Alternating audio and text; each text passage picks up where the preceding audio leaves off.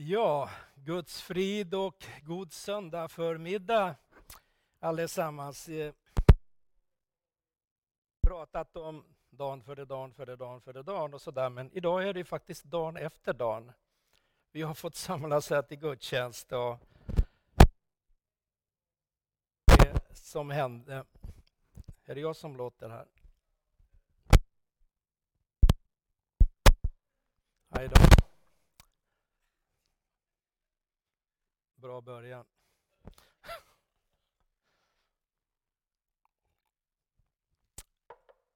Jag tänkte att jag... Det här låter inte bra. Vi gör så här. Jag tänkte att jag läser då julevangeliet eh, och håller mig till det idag i och med att det är dagen efter julafton. Och jag ska läsa ifrån Lukas. Vi har ju Lukas som tema i 21 veckor Lukas. Jag läser från Lukas 2, 1-20 till att börja med. Vi tar lite bibelverser här i inledningen. Lukas 2, 1 och framåt. Vid den tiden utfärdade kejsar Augustus en förordning om att hela världen skulle skattskrivas. Det var den första skattskrivningen och den hölls när Quirinius var ståthållare i Syrien. Alla gick då för att skattskriva sig, var och en till sin stad. Och Josef, som genom sin härkomst hörde till Davids hus, begav sig från Nasaret i Galileen upp till Judeen, till Davids stad Betlehem för att skattskriva sig tillsammans med Maria, sin trolovade, som väntade sitt barn. Medan hon befann sig där var tiden inne för henne att föda. Hon födde sin son den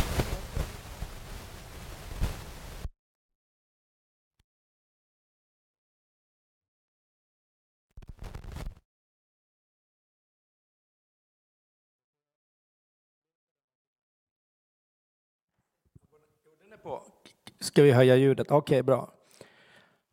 Vilken knepig inledning. Jag fortsätter från vers 6. Medan de befann sig där var tiden inne för henne att föda och hon födde sin son den förstfödde. Hon lindade honom och lade honom i en krubba eftersom det inte fanns plats för dem i härberget. I samma trakt låg några herdar ute och vaktade sin jord om natten då stod Herrens ängel framför dem och Herrens härlighet lyste omkring dem och de greps av stor förfäran. Men ängeln sade till dem, var inte rädda. Jag bär bud till er om en stor glädje, en glädje för hela folket. Idag har en frälsare fötts åt er i Davids stad. Han är Messias, Herren. Och detta är tecknet för er. Ni ska finna ett nyfött barn som är lindat och ligger i en krubba. Och plötsligt var där tillsammans med ängeln en stor himmelsk här som prisade Gud. Ära i höjden åt Gud och på jorden fred åt dem han har utvalt. När änglarna hade farit ifrån dem upp till himlen sade herdarna till varandra. Låt oss gå in till Betlehem och se det som har hänt och som Herren har låtit oss veta. De skyndade iväg och fann Maria och Josef och det nyfödda barnet som låg i en krubba. När de hade sett det berättade de vad som hade sagts till dem om detta barn. Alla som hörde det häpnade över vad herdarna sade. Maria tog allt detta till sitt hjärta och begrundade det. Och herdarna vände tillbaka och prisade och lovade Gud för vad de hade fått höra och se. Och allt var som de, det hade sagts dem. Och så går jag till Matteus 2, ska vi läsa om stjärntydarna.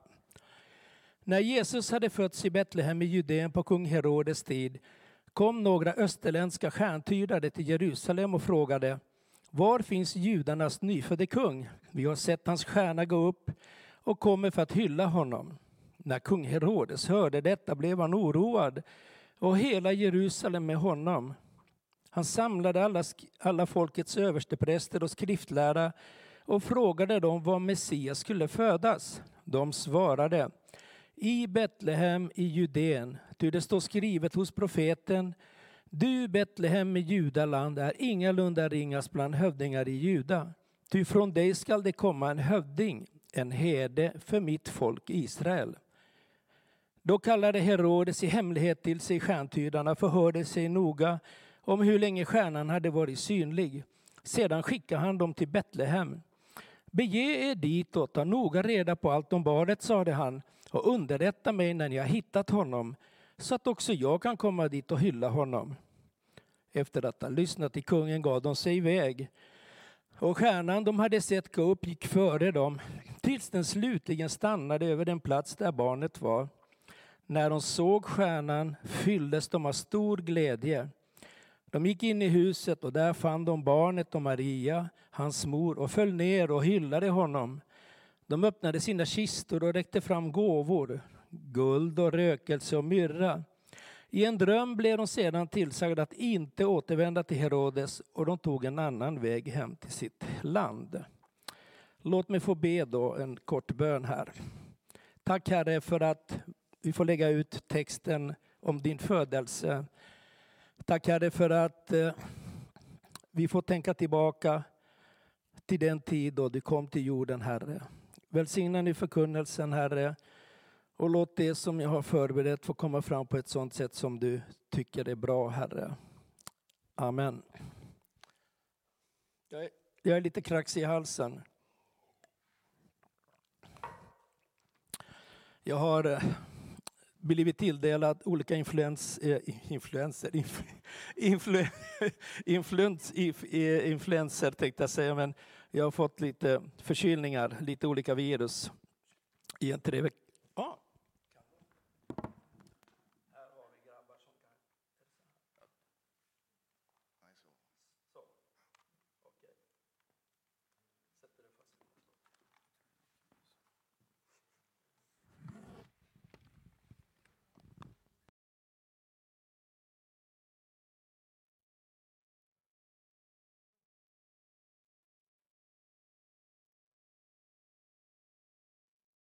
Är det, säg till när det... Ja, nu hörs det. Alltså det här är ju den värsta inledning jag haft någonsin, tror jag. Jag har aldrig fått så här många avbrott. Det, all, det strulade alltid med någonting, men det här var ju det bara för mycket. ja, tack. Nytt år, snart med nya möjligheter också. Så. Ja, ska vi koncentrera oss då på berättelsen. Så här börjar alltså berättelsen om hur Jesus kommer till jorden och föds in i vår värld. Han föddes med ett uppdrag. Och när Jesus föds till vår jord så går det inte obemärkt förbi. Det här är ju inte vilken liten bebis som helst som föddes, utan det här är ju Guds enfödde son som kom för att ge frälsning och räddning för alla utvalda folk. Och när Guds son föds så börjar det att hända saker och ting på en gång. Låt oss börja från början. Det hela börjar ju med som Per läste här. Maria får veta av en ängel att hon ska föda Guds son och att han ska heta Jesus. Och jag kan bli fascinerad av Maria, Marias sätt att ta emot budskapet från ängel. Hon ifrågasätter inte ängeln, det ängeln har sagt, utan tror. Hon säger, må det ske med mig som du har sagt. Detsamma kan man inte säga om Johannes döparens eh, far Sakarias, när en ängel säger till honom att ni ska bli föräldrar på gamla dagar. Och då säger han så här, hur ska jag få visshet om detta? Alltså med andra ord, hur ska jag kunna tro på det här? Och eh, här kan man ju fundera på hur man själv skulle reagera eh, med, med tro eller otro. Att notera är att otron fick konsekvenser. Han blev stum. I båda fallen så fick de vägledning av en ängel. Och vi kan få fortfarande få vägledning av änglar idag, men vi kan också få vägledning av den helige Ande som talar till oss. Och är det inte så här vi vill att det ska vara? Att eh, leva genom Andens ledning, få tydliga instruktioner som gör våra liv lättare att leva. Det blir enklare att följa Jesus. Men livet är ju inte så enkelt alltid, eller hur? Jona fick tydliga instruktioner av eh, Gud, men han gick sin egen väg. Lärjungarna tvingades av Jesus att hoppa i båten och det blev storm. Ibland är det inte så lätt alltid att lyda Jesus, fast ibland kan låta så på vissa kristna. Otro eller tro. Det var det som utmärkte de här två människorna. Ibland så har jag tänkt så här, Maria var ju väldigt ung. Är det enklare för yngre människor att tro på att Gud kan göra ett under än för en äldre som Sakarias eller Abraham? Abraham trodde men inte hans fru. Ja, men hur ska det gå till? Ja, jag vet hur det går till. Men han tänkte inte tanken ens, att det skulle kunna bli på det sättet.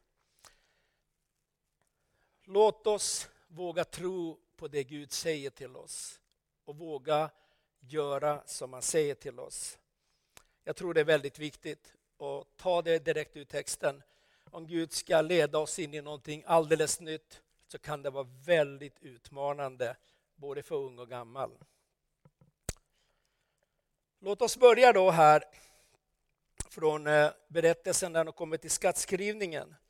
Och när det är klart med skattskrivningen så säger Maria till Josef att det börjar bli dags att föda. Det är så jag läser det från texten. Och de är på väg till ett härberge. Men det visar sig att det är fullt där och det börjar bli sent på kvällen och verkarna tar fart. Så nu blir det bråttom att hitta en plats att föda på. Och det kan vara knepigt. Jag tänkte på förlossningsvården i Stockholm idag. Nej, här kan ni inte föda, ni får gå någon annanstans. Det var samma där. Nej, här kan ni inte vara. Gå någon annanstans. Men jag tänker mig att Josef blev väldigt stressad.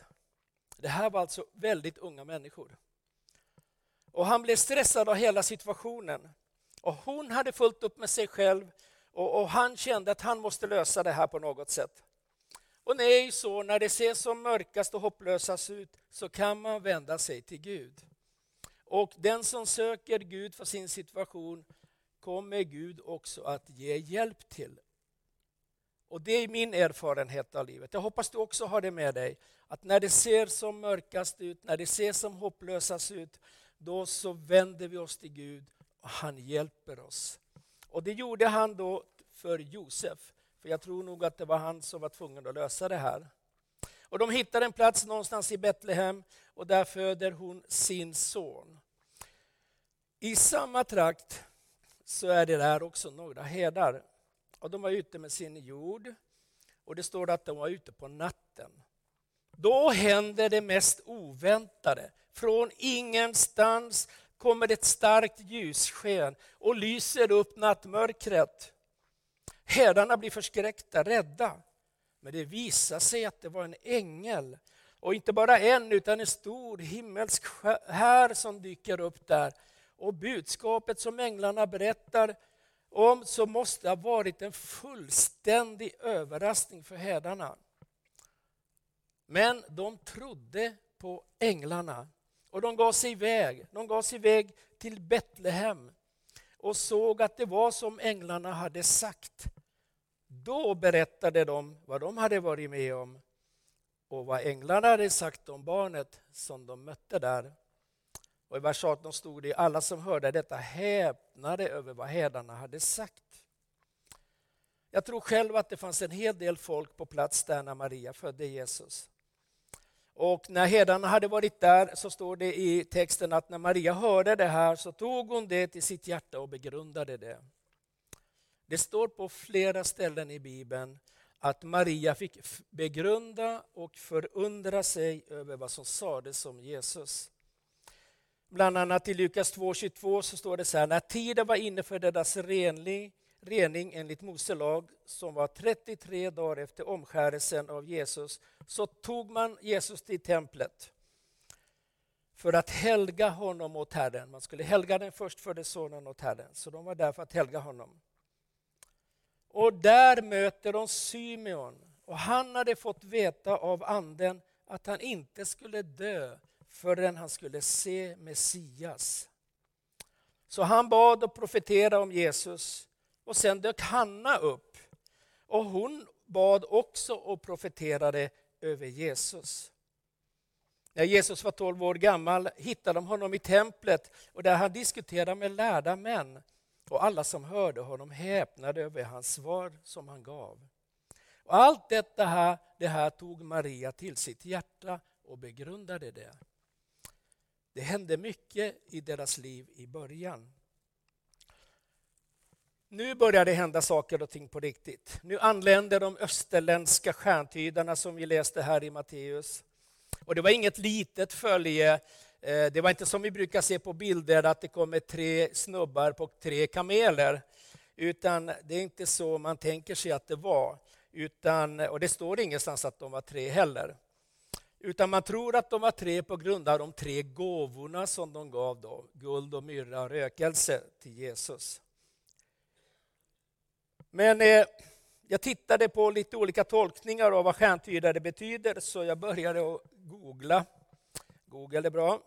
Så jag slog in stjärntydare och där står det så här.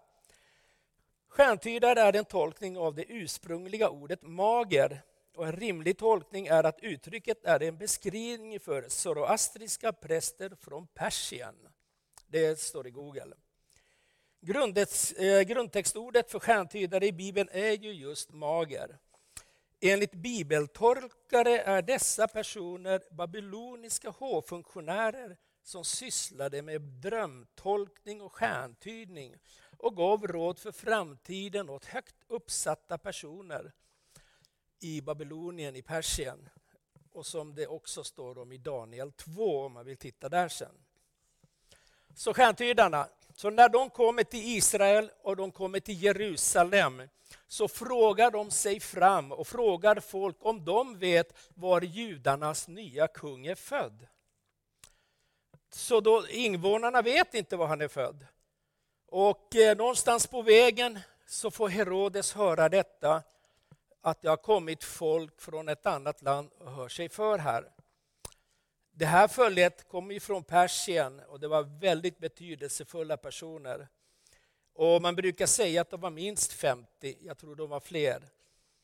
Eh, de hade soldater med sig, de hade värdefulla gåvor med sig, så de blev tvungna att ha beskydd med sig på resan. Och resan tog ganska lång tid från Persien till Jerusalem. Men eh, Herodes han blev orolig och han kallade till sig stjärntydarna, han kallade till sig översteprästerna och skriftlärda. Det står i, vers 3, i Matteus vers 3 där att inte bara Herodes blev orolig, utan hela Jerusalem blev orolig. Kan du se bilden framför dig? Här kommer ett stort följe från Östens land till kungen. Sedan kommer alla religiösa ledarna dit också. Och det blev en himla massa människor plötsligt i det här slottet. Och det är klart att det blev oroligt. Ryktet har gått ut i hela Jerusalem. Det händer någonting på slottet. Vad gör alla de här människorna där? Varför vill kung Herodes prata med de religiösa ledarna nu mitt i natten? Vilka är de där andra människorna? Varför är de där? Frågorna är många, svaren är få. Plötsligt så ger sig de utländska gästerna av. De verkar gå ner mot Betlehem och ryktet säger att de följer en stjärna. När de ser stjärnan som det stod och stanna och kommer fram till Jesusbarnet så blir de överlyckliga. Vers 10 så stod det, när de såg stjärnan fylldes de av stor glädje och gick in i huset och föll ner och hyllade honom. Tänk er Josef och Maria, ett mycket ungt par, oerfarna som föräldrar. Och eh, Maria kanske inte var den piggaste, vi vet ju inte hur hennes förlossning var. Och här hade först ett gäng herdar dykt upp med en fantastisk berättelse om att de hade träffat änglar och vad de hade sagt. Och här plötsligt nu kommer det in främmande människor, ett stort följe som ställer sig utanför, om det var en grotta eller ett stall. Och de kommer in till dem och de bugar sig ner inför barnet i krubban och de tar fram sina gåvor. Och Det intressanta här är de här stjärntydarna kom från ett palats. De var hovfunktionärer. Men de verkar inte bry sig om att den judarnas nya kung inte har blivit född i ett slott direkt eller i en fin herrgård, utan i ett stall utanför Betlehem. De lägger ingen notis vid det. Utan de går in och hyllar honom. Du vet att ordet Betlehem betyder brödhus på hebreiska. Jesus är brödet som kom från himlen för att ge mat åt alla folk. Här kan man se en anspelning till nattvarden. Och kom ihåg att Gud gav mannat, brödet från himlen, åt sitt folk i 40 år i ökenvandringen. Det är connectat här. Både Josef och Maria hade fått besök av en ängel, Gabriel. Det var inte vilken ängel som helst. Det var en av de mäktigaste änglarna i himlen. Man brukar säga att Gabriel är budbärare. Ängeln hade sagt till Maria att hon ska föda en son som ska bli stor och kallas den högstes son. Och Josef fick veta i en dröm att han ska frälsa sitt folk från deras synder. Och här så har de fått veta, herdarna berättar att Jesus är kommande frälsaren och stjärntydarna intygar att Jesus är blivande kung. Det var det här som Josef och Maria fick veta nio månader innan. När ängeln säger till Maria att du ska föda Guds son, han ska bli kung.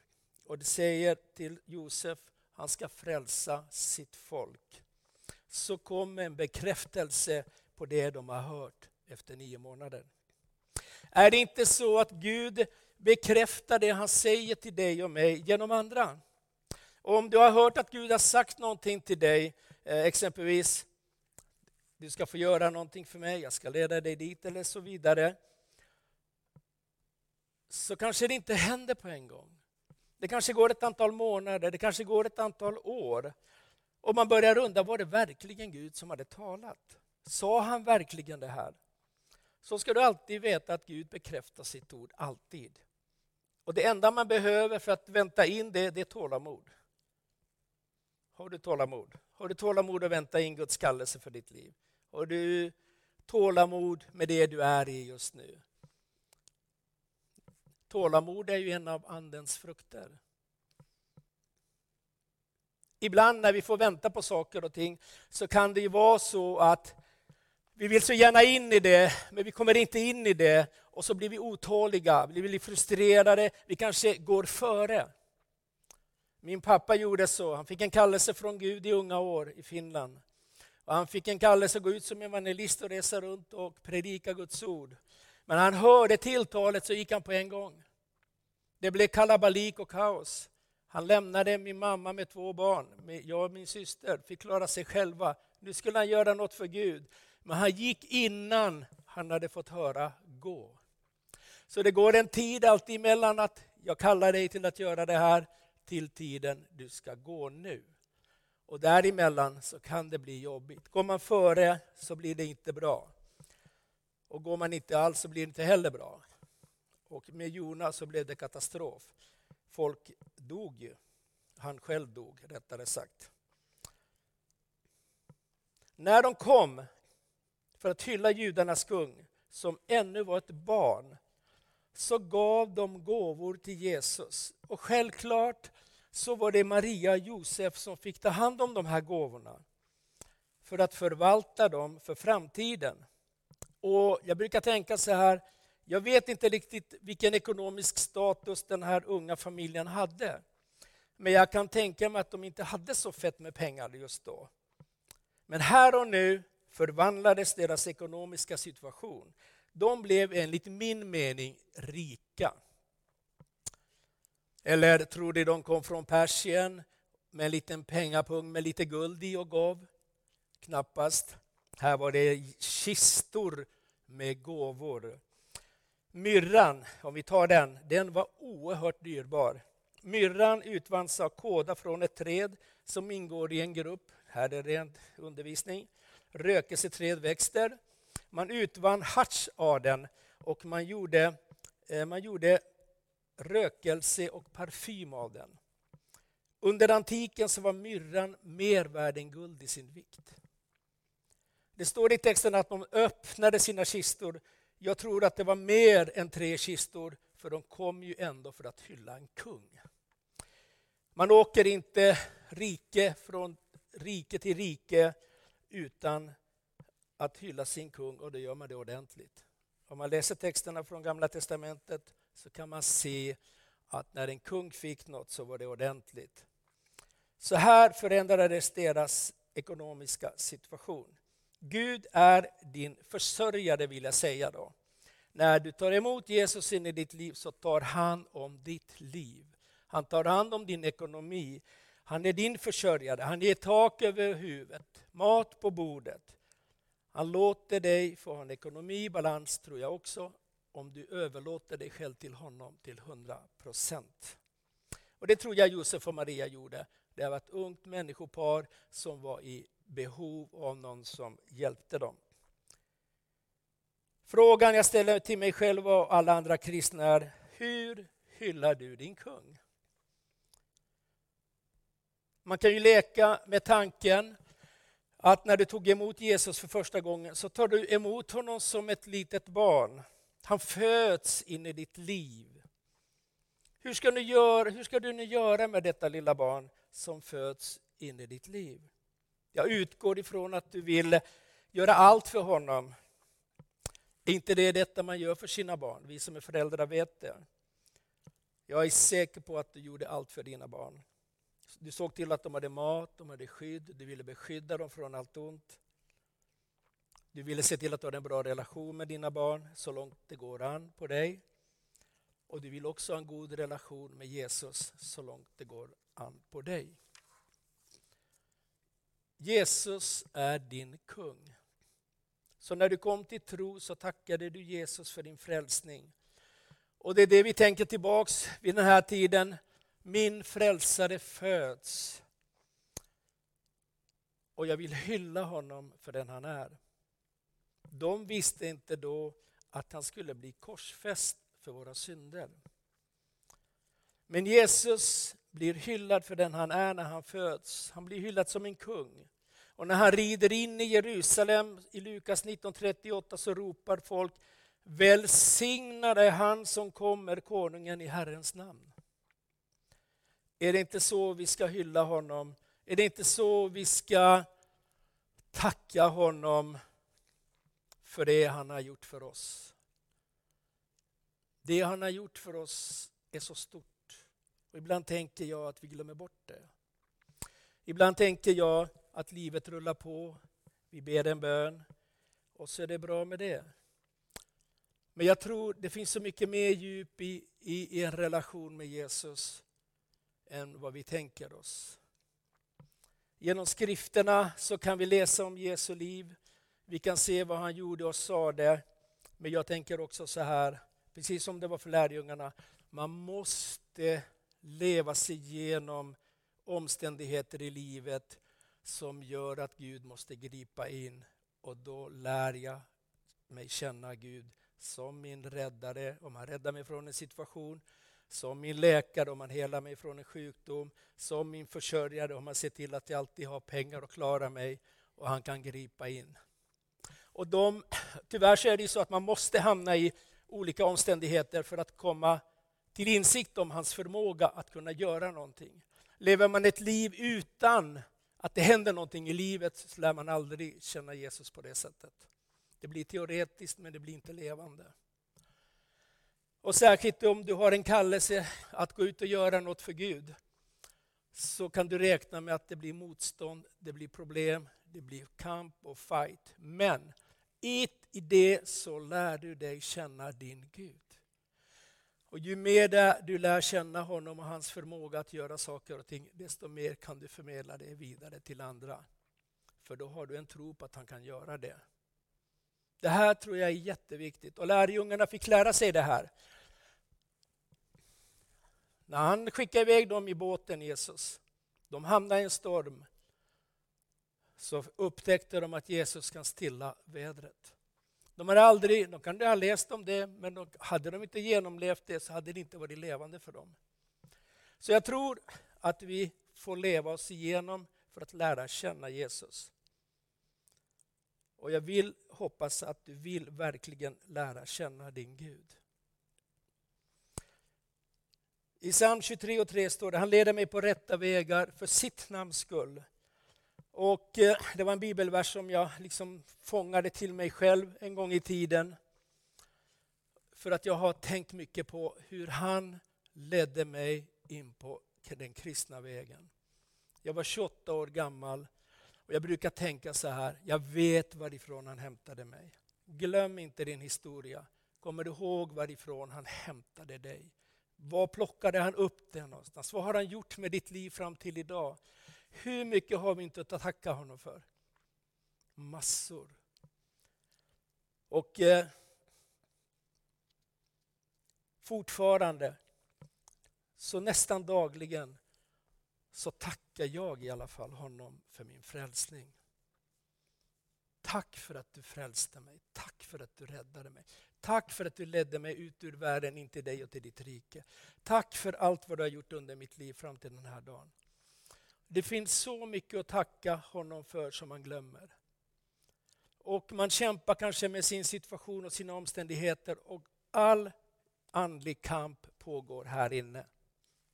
Kom ihåg det. Det är här inne det bryts ny mark, i ditt tänkesätt. Det är dit djävulen angriper dig. Det är där han attackerar dig för att få dig på fall. För att få dig att svaja i tro och tvivel. Sakarias tvivlade och då hör man på hans ord direkt att han tvivlade. Hur ska det kunna bli så här? Men Jesus föddes, han hyllades som en kung och han ska hyllas som en kung. Han är vår kung och vår frälsare. Han har gjort allt för oss. Och eh, Maria, hon fick ju se sin egen son spikas upp på korset tre. Och jag kan eh, bara föreställa mig smärtan i hennes hjärta när hon ändå ser att det sker det som hon har förstått ska ske. Som, eh, och allt hon hade tagit med sig in i sitt hjärta om sin son. Hon fick tillbe sin son som kung. Känns ju konstigt också, tänker man. Min son Andreas, jag går ner för honom och hyllar honom. Ah, knepigt. Men så var det för Maria. Så var det för Josef och bröderna och systrarna i Jesu familj. Låt oss vara tacksamma över att Jesus kom och det han gjorde och har gjort för oss. Vi ska gå in i nattvarden och eh, jag ska läsa instiftelseorden till nattvarden och sen ska jag be över nattvarden. Och jag läser från första Korintierbrevet 11 och 23. Jag har själv tagit emot från Herren det som jag har fört vidare till er. Den natten då Herren Jesus blev förrådd tog han ett bröd, tackade Gud, bröt det och sade Detta är min kropp som offras för er. Gör detta till minne av mig. Likaså tog han bägaren efter måltiden och sa Denna bägare är det nya förbundet genom mitt blod. Var gång ni dricker av den, gör det till minne av mig. Och var gång ni äter det brödet och dricker bägaren förkunnar ni alltså Herrens död tills dess han kommer. Ja, då tackar dig himmelske Fader för att vi får samlas idag till nattvard. Vi får åminnas det Jesus gjorde för oss på Golgata kors, Herre. Tack för att vi också har fått titta tillbaka på texterna kring hans födelse och vad som hände där. Tack för att så som du tog hand om Maria och Josef Eh, så tar du hand om oss också, Herre. Jag tackar dig för att din hand är stark över oss och du vill oss gott och väl och du vägleder oss på de rätta vägarna för ditt namns skull, Herre. Tack för att du får bli förhärligad genom våra liv och du får bli upphöjd, Herre. Och folk ska se det runt omkring oss, att vi tillhör dig, Herre. Tack för att du gör oss frimodiga och befriade från alla hinder i oss som hindrar oss från att prata om dig och dela ut eh, våra, våra erfarenheter av dig, Herre. Jag prisar och ärar dig och tackar dig. Välsigna måltiden som vi delar tillsammans, Herre. Och jag vill säga till någon här inne också, att du står i en svår situation och du vet inte hur du ska ta dig ut. Men Jesus säger till dig, var inte orolig. Jag har all makt och all kraft och allt är givet till mig och jag ska lösa ut dig. Och de som är runt omkring dig kommer förundra sig hur det gick till. För det finns ingen mänsklig förklaring, men förklaringen kommer från himlen. Det är Herren själv som griper in i din situation. Du ska förstå att du är älskad av honom. Han, han, han älskar dig så mycket, men du känner att du är brusten inuti. Men han ska hela dig och din framtid är ljus.